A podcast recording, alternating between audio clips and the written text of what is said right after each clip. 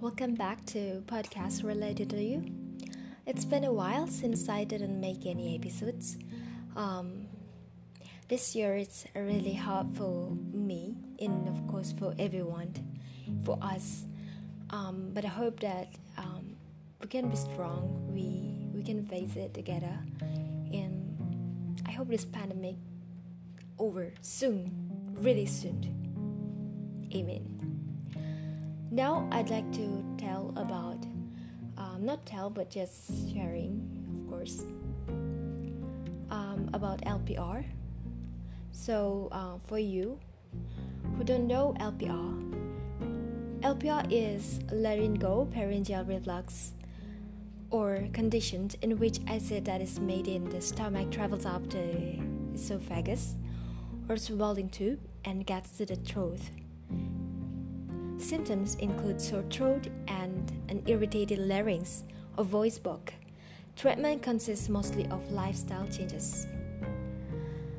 And what I'd like to talk is can LPR be caused by anxiety? So, let's listen to it.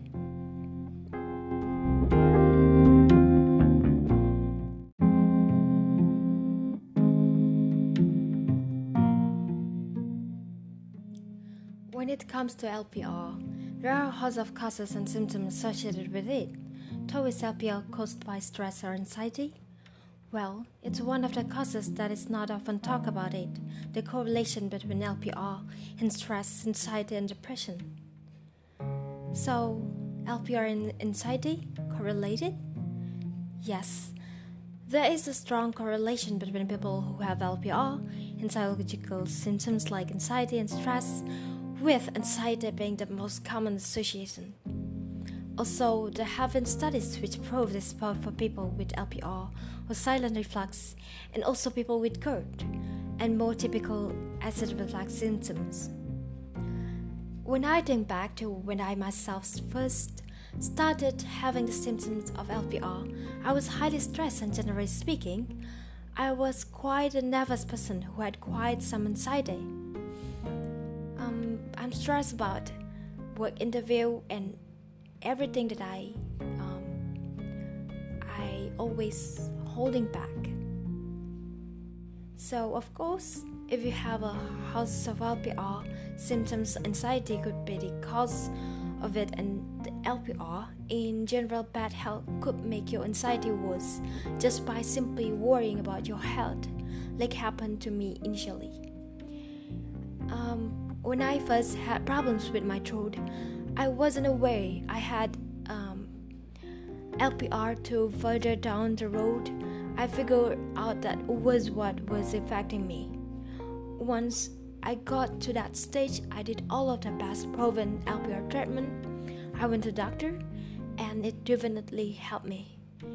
So I felt my mindset changed and addressing my anxiety, stress, etc was an extremely important element for me to go that extra step. Not only for me personally, as someone who had a nervous tendency and anxiety, but it seemed for a lot of others who suffer from LPR and have these tendencies.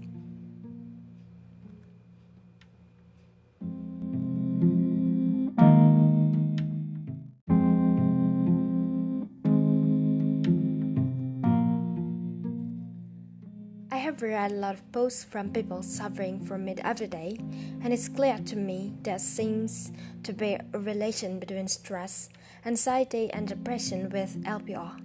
Of course, this could be how the person was before they developed LPR, or this could be because of the havoc that LPR can cause to someone, which can amplify these problems.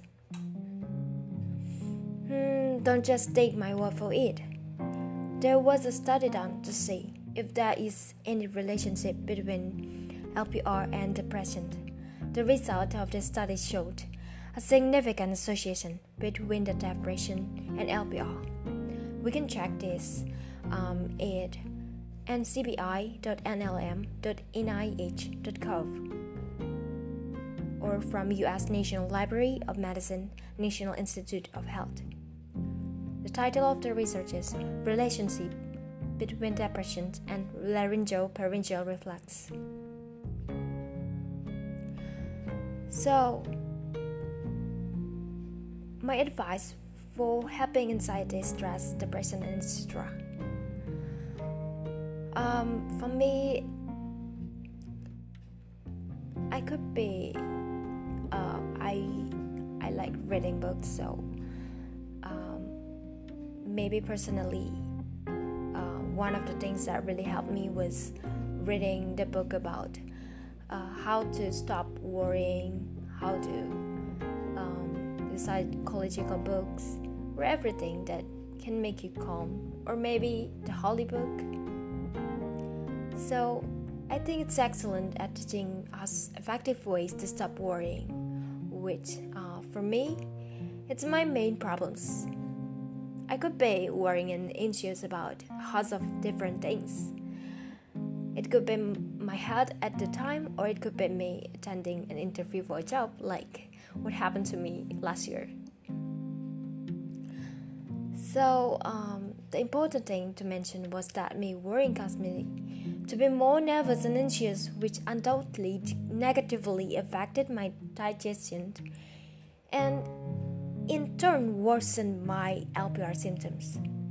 So, yeah, reading books help me with properly tackling my mentality and general logic when getting anxious or stressed about something. And another thing I pick up was to focus on today. What that basically means to not to worry about what might happen tomorrow or what happened yesterday. Just live for today. This is great I feel if you are suffering with LPR. I myself had a plan to help my LPR and I did that every day. Not every day, uh, of course, but like um, I tried to have an LPR diet I try to keep it like not too um yes so just just not too straight but I mean like consistent so I was thinking that I'm positively doing my best today to help myself and that was a great way for me to ease my mind and help me relax and stop worrying um, one final thing I want to mention is having faith. When I say having faith, I mean thinking that you can do something. Someone who believes that they can do something is much more likely to do it. Same applies to someone who thinks they cannot because they almost certainly won't be able to do it. How to um, how this applied to me was before I had a more negative min- mindset when I didn't have much faith in myself getting better after dealing with LPR. I mean, for like one year. So, this negative mindset was holding me back from improving my health. So, by me changing my mindset to one where I thought more positively, by thinking that I will get better, I believe was an important step for me to lower my anxiety, stress, and depression. This in turn undoubtedly helped my listening, my LPR symptoms, and allowing for me to get on the right way to curing my LPR.